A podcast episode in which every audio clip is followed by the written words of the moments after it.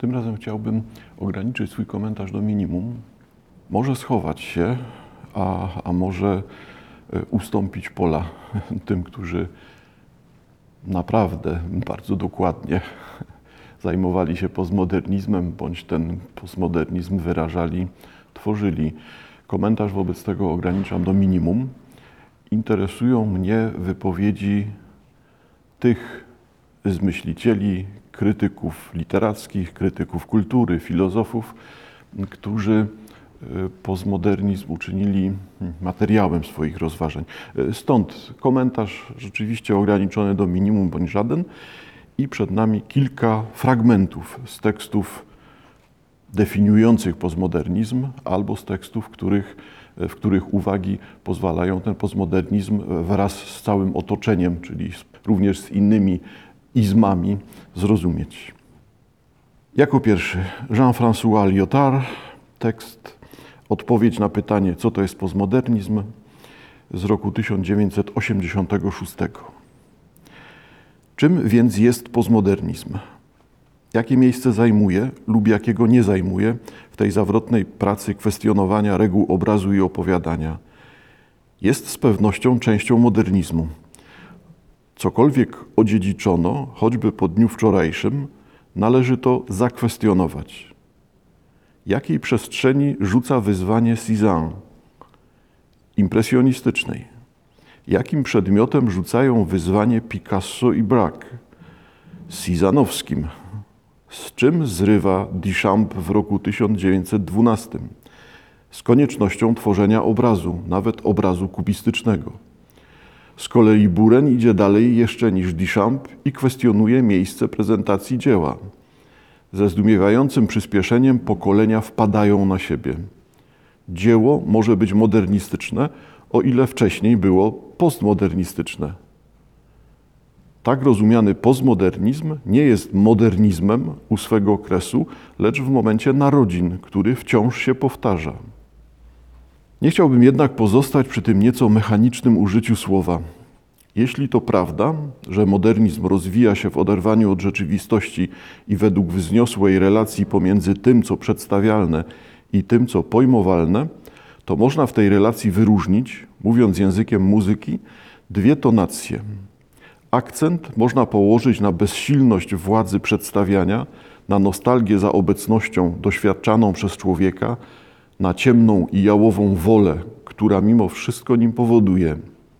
Ale też akcent można położyć po pierwsze na siłę władzy pojmowania, na jej nieludzkość. Jako, że nie jest sprawą naszego rozumu, czy ludzka zmysłowość lub wyobraźnia potrafi, czy też nie potrafi dopasować się do tego, do czego się odnosi. Po drugie zaś, na pomnożenie istnienia i radość czerpaną z wynalezienia nowych malarskich bądź literackich reguł gry. Być może sens tego, co powiedziałem, najlepiej wyrazi nieco karykaturalne rozstawienie kilku nazwisk na szachownicy awangardowej historii. Po stronie melancholii niemieccy ekspresjoniści, po stronie Novatio Brak i Picasso. Z jednej strony Malewicz, z drugiej Lisicki.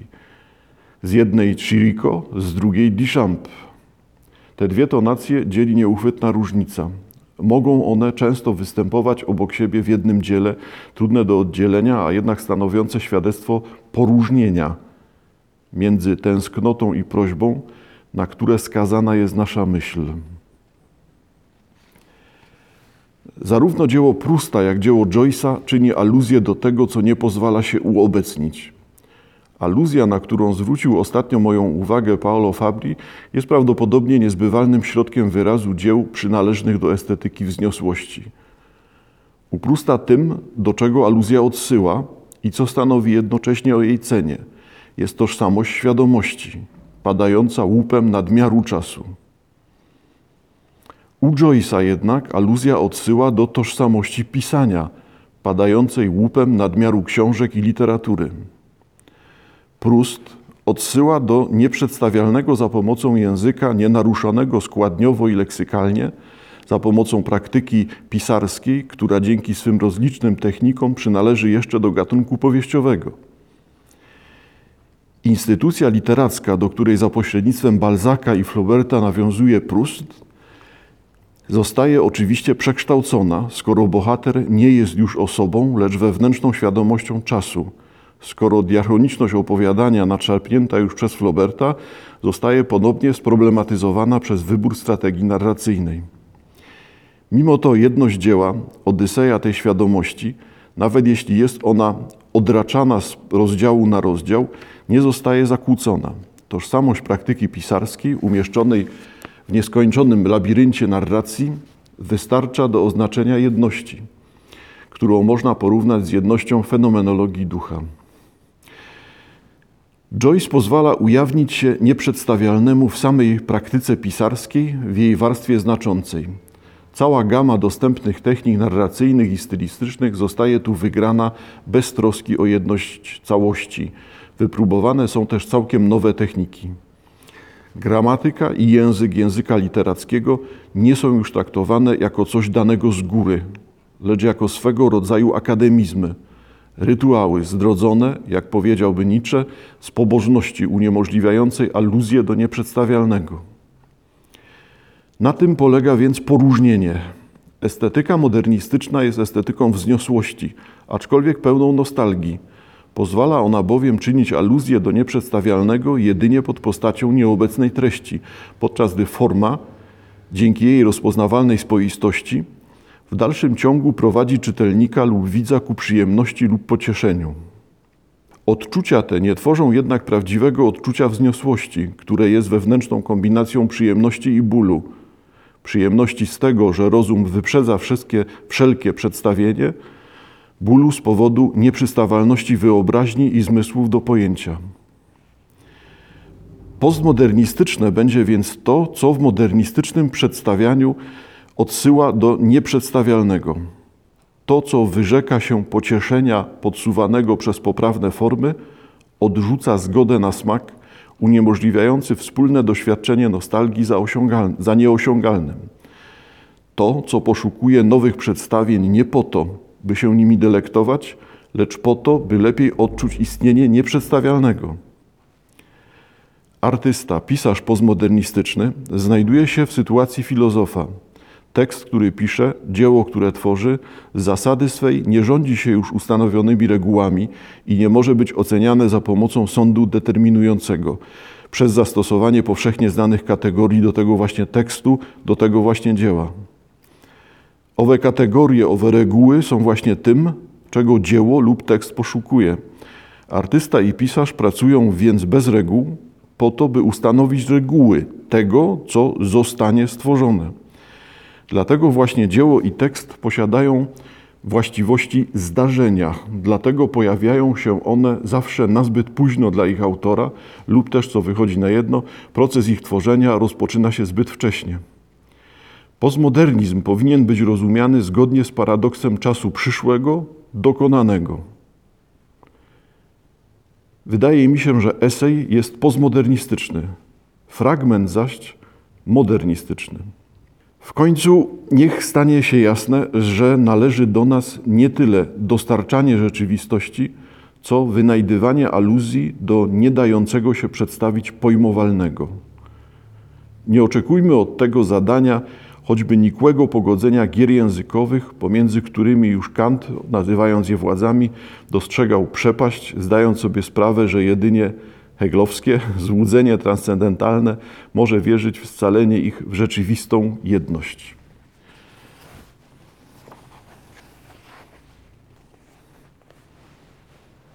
Frederick Jameson, Postmodernizm i społeczeństwo konsumpcyjne. 1985 rok. Pojęcie postmodernizmu nie jest dziś ani powszechnie akceptowane, ani nawet rozumiane. Opór wobec niego w jakiejś mierze pochodzi chyba z nieznajomości obejmowanych przezeń dzieł, pojawiających się we wszystkich dziedzinach sztuki. W poezji Johna Ashbury, e, ale i znacznie prostszej poezji kolokwialnej, która wyrosła z opozycji wobec skomplikowanej, ironicznej, akademickiej poezji modernistycznej lat 60. W reakcji przeciwko architekturze modernistycznej, zwłaszcza przeciw monumentalnym budowlom stylu międzynarodowego, w budownictwie osiedlowym i ozdobnych szopach z namaszczeniem opisywanych przez Roberta Venturi w manifestie Uczmy się od Las Vegas. u Andiego Warhola i w pop arcie, a także w bliższych nam czasowo fotorealizmie. U Johna Cage'a, a także w późniejszej syntezie stylów klasycznego i popularnego, widocznej u takich kompozytorów jak Philip Glass i Terry Riley, a również w punku i roku nowofalowym prezentowanym przez grupy Clash, Talking Heads czy Gang of Four, w filmie Wszystko, co wywodzi się z Godarta, współczesnej awangardy filmu i wideo oraz filmy reklamowe i fabularne nowego stylu, mającego swój odpowiednik także we współczesnej prozie, w której dzieła Williama Burroughsa, Thomasa Pynchona, Ismaela Rida z jednej strony oraz francuską nową powieść z drugiej zaliczyć można do zjawisk dających się określić mianem postmodernizmu. Powyższa lista wyjaśnia, jak się zdaje, dwie sprawy równocześnie. Po pierwsze, większość spośród wymienionych form postmodernizmu powstała jako swoista reakcja przeciw ustabilizowanym formom modernizmu klasycznego, przeciw dominacji tej lub innej jego odmiany, która zawojowała uniwersytet, muzeum, sieć galerii sztuki i fundacje. Style te, abstrakcyjny ekspresjonizm, wielka poezja modernistyczna Panda, Eliota, Wallace'a Stevensa, styl międzynarodowy, Le Corbusier, Wright, Strawiński, Joyce, Proust i Mann niegdyś w odczuciach naszych dziadków wywrotowe i wojownicze, skandaliczne, oburzające, są dziś w odczuciach pokolenia, które stanęło u bram w, lat w latach 60. wrogim establishmentem. Są martwymi, drętwymi, uświęconymi i uprzedmiotowionymi pamiątkami przeszłości, które trzeba zniszczyć, jeśli chce się dokonać czegoś nowego. Oznacza to, że form postmodernizmu będzie tyle, ile było ustabilizowanych form modernizmu klasycznego, ponieważ te pierwsze w swoich wyjściowych i lokalnych przejawach są zaprzeczeniem tamtych modeli. Rzecz jasna, w niczym nie ułatwia to opisania postmodernizmu jako zjawiska spójnego, skoro jedność tego nowego impulsu, jeżeli taka jedność w ogóle istnieje, nie jest dana wprost, lecz skrywa się właśnie w modernizmie wypieranym przez postmodernizm. Drugą cechą naszej listy postmodernizmów jest widoczny w niej zanik kluczowych rozgraniczeń i przedziałów, a zwłaszcza rozmycie wcześniejszego rozróżnienia na kulturę wysoką i tak zwaną kulturę popularną.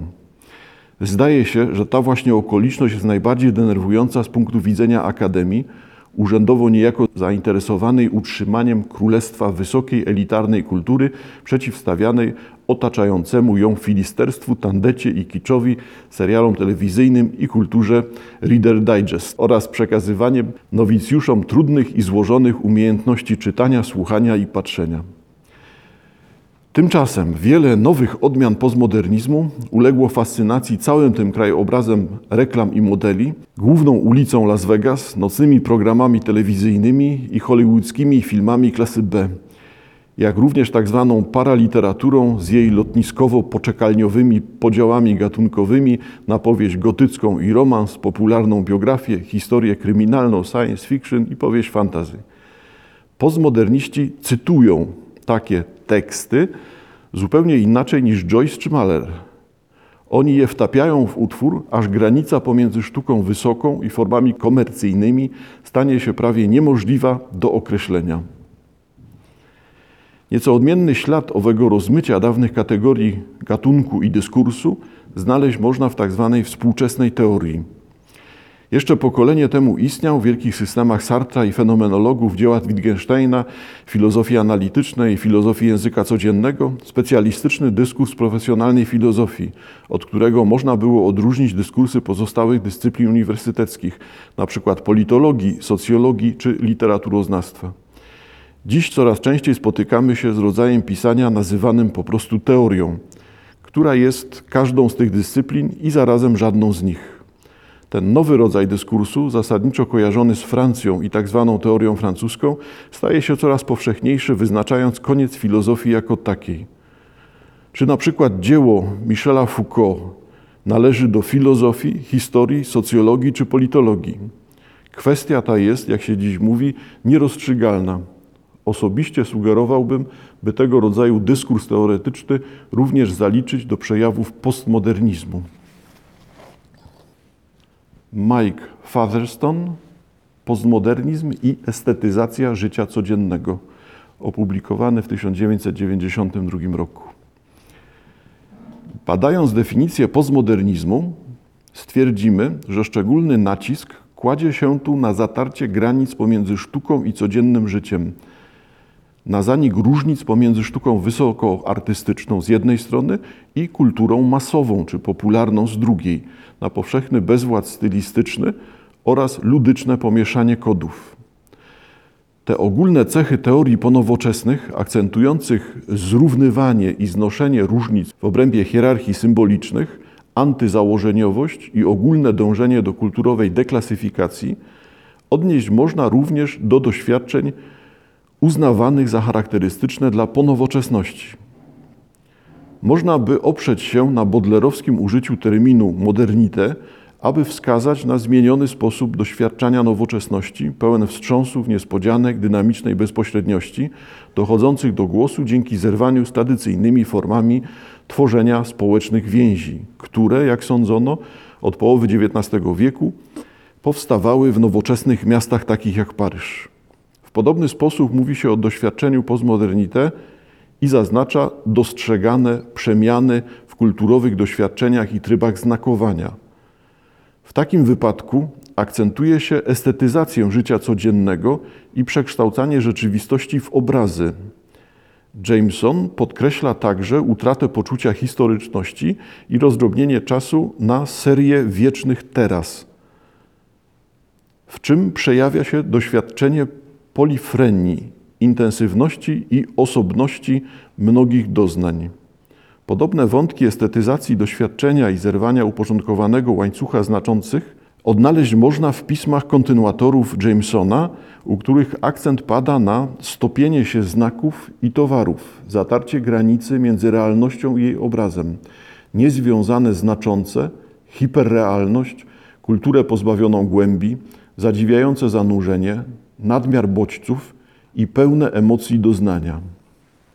Chociaż dla wielu tych przykładów inspiracją jest nasilenie produkcji obrazów w środkach masowego przekazu oraz całej kulturze konsumpcyjnej, cechy te odnaleźć można również w opisach współczesnych miast. W takich wypadkach akcent pada nie tylko na typ nowej architektury zaprojektowanej w szczególny ponowoczesny sposób, ale również na bardziej powszechny, eklektyczny galimatias stylistyczny, który można odnaleźć w wielkomiejskich budowlach obszarów zabudowanych. Ponadto podobną dekontekstualizację znaku wyobraźni odnajdują badacze u młodych wykorzenionych, którym przyjemność sprawia eksperymentowanie i zabawa z modą oraz stylizowanie życia, uprawianie w trakcie przechadzek po niczyich, po nowoczesnych przestrzeniach wielkomiejskich. Projekty estetyzacji i artystycznego kształtowania codziennego życia, a także romantyczna tradycja cyganerii wraz z jej szkołami artystycznymi wyraźnie się łączą i nakładają na siebie. Duch bohemy przeniknął do muzyki rockowej, zwłaszcza po roku 1960, jako poszukiwanie sposobu przekroczenia granicy między sztuką i życiem codziennym. Craig Owens, dyskurs innych, feministki i postmodernizm. Tekst opublikowany w 1985 roku. Tekst Owensa rozpoczyna motto będące cytatem z Lyotarda. Wiedza w epoce postmodernizmu nie jest wyłącznie narzędziem sprawowania władzy. Uwrażliwia nas także na istnienie różnic i poszerza naszą tolerancję wobec inności. Zdecentralizowany, alegoryczny, schizofreniczny. Jakkolwiek zdefiniujemy jego symptomy, postmodernizm bywa zwykle traktowany, tak przez zwolenników jak przeciwników, jako wyraz kryzysu autorytetu. Przede wszystkim autorytetu zachodnioeuropejskiej kultury i jej instytucji. Nic nowego w spostrzeżeniu, że dominacja europejskiej cywilizacji dobiega kresu. Już co najmniej od połowy lat 50. stało się dla nas jasne, że musimy znaleźć sposoby kontaktu z innymi kulturami, nie oparte na dominacji i podboju. Wśród ważnych tekstów należy wymienić rozważania Arnolda Toynbee, zamieszczone w ósmym tomie jego monumentalnej pracy Study in History na temat końca modernizmu. Jego początek, zdaniem autora, przypada na ostatnie lata XV wieku, kiedy wzrosła europejska ekspansja na inne lądy i ludy i narodzin nowej, postmodernistycznej, którą charakteryzuje współistnienie wielu różnych kultur. Można także w tym kontekście wymienić nazwisko Lewi Straussa, krytyka europejskiego etnocentryzmu, a także przywołać krytykę tej krytyki Jacques'a Derrida. Lecz najbardziej wymowne świadectwo końca zachodniej dominacji to słowa Paula Rickera, który w 1962 roku napisał, że odkrycie kulturowego pluralizmu nigdy nie jest doświadczeniem bezbolesnym. Kiedy odkrywamy, że istnieje wiele kultur zamiast jednej, czyli kiedy uświadamiamy sobie koniec swoistego kulturowego monopolu, nieważne rzeczywistego czy iluzorycznego, zaczynamy żyć w groźnym cieniu własnego odkrycia. Nagle prawdopodobieństwa nawiera fakt, że istnieją wyłącznie inni, że my sami to tylko inni pomiędzy innymi. Znika wówczas cały sens i cel, a cywilizacje, przez które wędrujemy, zmieniają się w strzaskane fragmenty i ruiny. Ludzkość zaczyna przypominać muzeum wyobraźni. Gdzie spędzimy najbliższy koniec tygodnia? Odwiedzając ruiny Ankoru czy spacerując po kopenhaskim Tivoli? Łatwo sobie też wyobrazić, że już wkrótce każdy, kto dysponuje choćby skromnym funduszem, będzie mógł wyjechać z własnego kraju, by smakować swoją narodową śmierć w niekończącej się i pozbawionej celu podróży. Ostatnio zaczęliśmy określać ten stan rzeczy mianem postmodernizmu. Rzeczywiście, Rickerowski opis najbardziej przygnębiających skutków utraty dominującej pozycji naszej kultury zapowiada zarówno melancholię, jak typowy dla współczesnej twórczości eklektyzm, nie wspominając już o wciąż przywoływanym pluralizmie.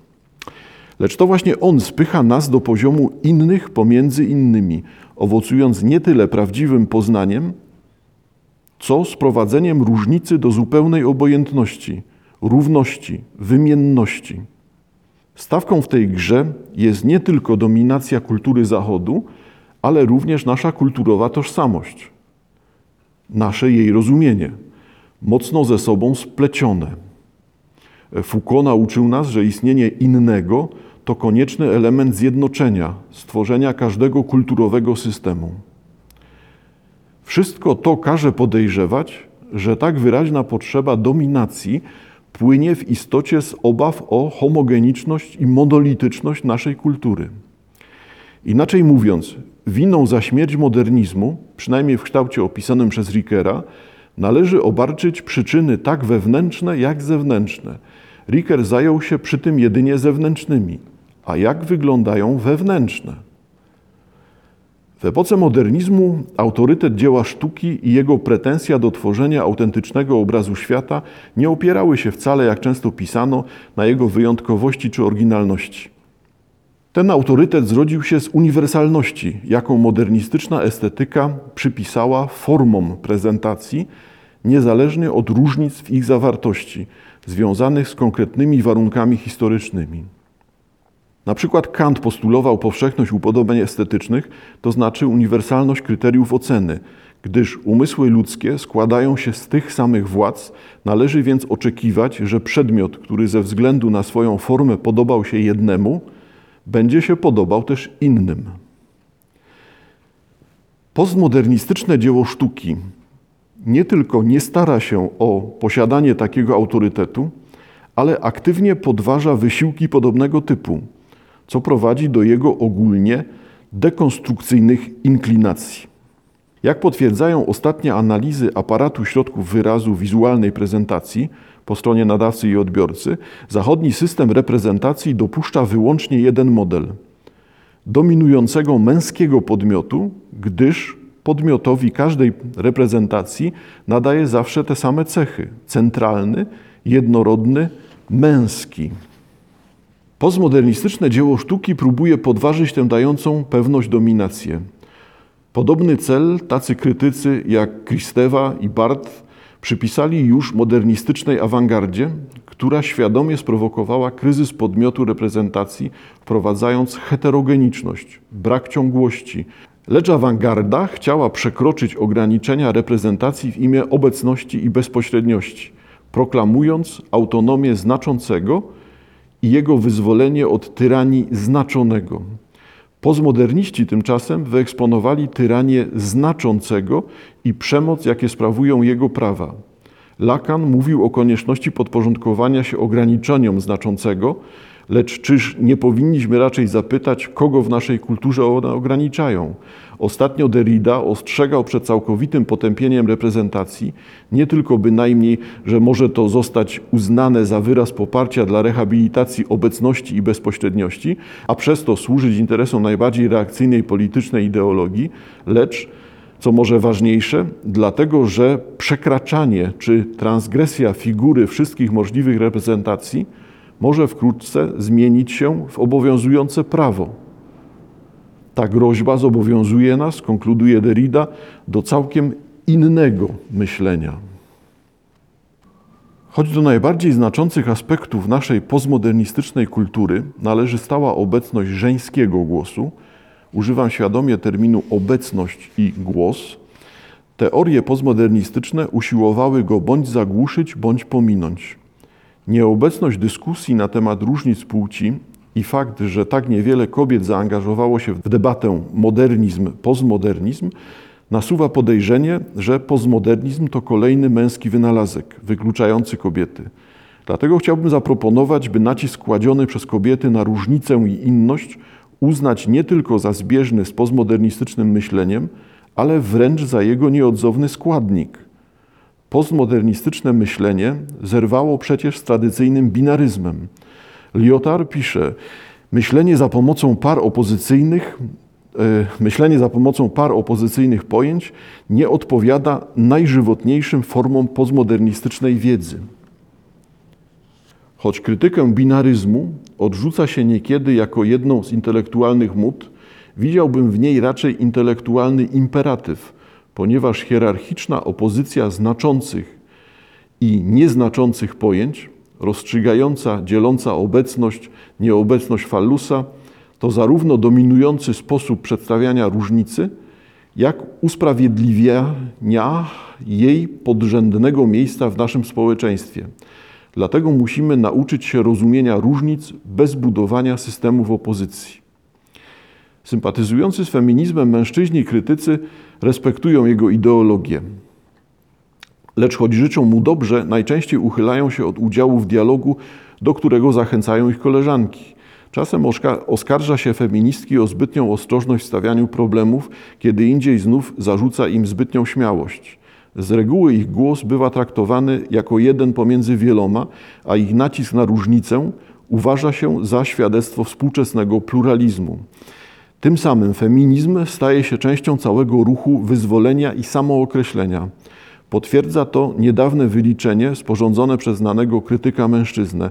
Grupy etniczne, ruchy sąsiedzkie, feminizm, rozmaite kontrkulturowe lub alternatywne ugrupowania, ruch odmawiających pracy, ruchy studenckie, inne doraźne inicjatywy.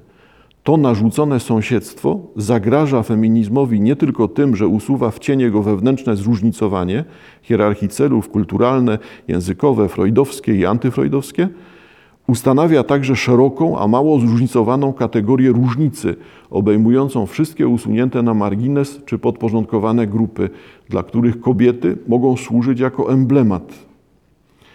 To wszystko niweczy odrębność feministycznej krytyki patriarchalnych struktur oraz typowych dla niej form sprzeciwu wobec seksualnych, rasowych czy klasowych dyskryminacji. E, Rosler ostrzega przed wykorzystaniem kobiet jako znaku wszystkich cech różnicujących, ponieważ uznanie dla twórczości kobiet, których tematem jest opresja, odwraca uwagę od innych form wyzysku. Mężczyźni ponadto dopiero wówczas podejmują postulaty kobiet, gdy zostaną one zneutralizowane, głównie za sprawą asymilacji do tego, co już znane, już opisane. Jest wiele ironii w fakcie, że zarówno te prace, jak wspierające je teorie pojawiały się w historycznej sytuacji zdominowanej przez całkowitą obojętność. W sztukach wizualnych byliśmy świadkami stopniowego rozmywania się podstawowych dziś dystynkcji. Oryginał kopia, autentyczny, nieautentyczny, funkcja, ornament. Każde z tych pojęć zdaje się dzisiaj zawierać swoje przeciwieństwo, a ich nieokreśloność powoduje niemożność wyboru, czy raczej pełną równorzędność i wymienność. Tak się przynajmniej utrzymuje. Istnienie feminizmu, jego nacisk na różnice, zmusza nas wszakże do ponownego rozważenia tego twierdzenia. W naszym kraju pożegnanie może wyglądać zupełnie tak samo jak powitanie, lecz tylko z męskiej perspektywy. Kobiety bowiem nauczyły się, a może zawsze umiały, dostrzegać różnicę. W przywołanych sądach widzimy cechy wspólne i cechy nadane postmodernizmowi przez poszczególnych autorów. Widzimy, w jaki sposób postmodernizm układa się w pewną całość w opozycji do modernizmu i w swoich cechach, tematach, które porusza, sposobie konstruowania dzieła, ale widzimy też, jak bardzo zróżnicowany jest, gdy pojawia się styk postmodernizmu z dowolnym innym nurtem, prądem, kierunkiem, który chcemy z postmodernizmem zestawić, w postmodernizmie odnaleźć albo określać w opozycji do postmodernizmu. Czy wobec tego postmodernizm istnieje jako kategoria? To jest ta moja uwaga, która rozpoczynała nasze rozważania. Czy rzeczywiście coś, co staje się tak wszechstronnym pojęciem, jest pojęciem, które ciągle jest żywe i wyjaśniające rzeczywistość? Czy przypadkiem nie mamy do czynienia już z pojęciem historycznym, w którym możemy umieścić tak potężną część naszej wiedzy, naszego doświadczenia, że, że staje się ono zbyt szerokie, zbyt szerokie, w efekcie zbyt rozmyte. Czy wobec tego są pojęcia inne? Czy to, że nie da się definicji postmodernizmu uporządkować w postaci listy cech, a najlepiej maksymalnie 10 punktów, które prosto określą jego odmienność, bo postmodernizmów jest tyle, ile dzieł, albo postmodernizmów jest tyle, ile autorów piszących o teorii postmodernizmu, no to skoro nie da się uporządkować cech postmodernizmu w 10 punktach, czy w takim razie w ogóle postmodernizm jest definiowalnym zjawiskiem? Czy postmodernizm nie jest odczuciem, stanem umysłu, próbą definicji zagubienia, złożoności, chaosu świata, czy powielaniem samego siebie? Postmodernizm uwzględnia tego typu podejścia i w postmodernizm wpisana jest ta nieuchwytność, rozmycie i brak możliwości wytworzenia aparatu pojęciowego, który byłby jednoznaczny dla postmodernizmu.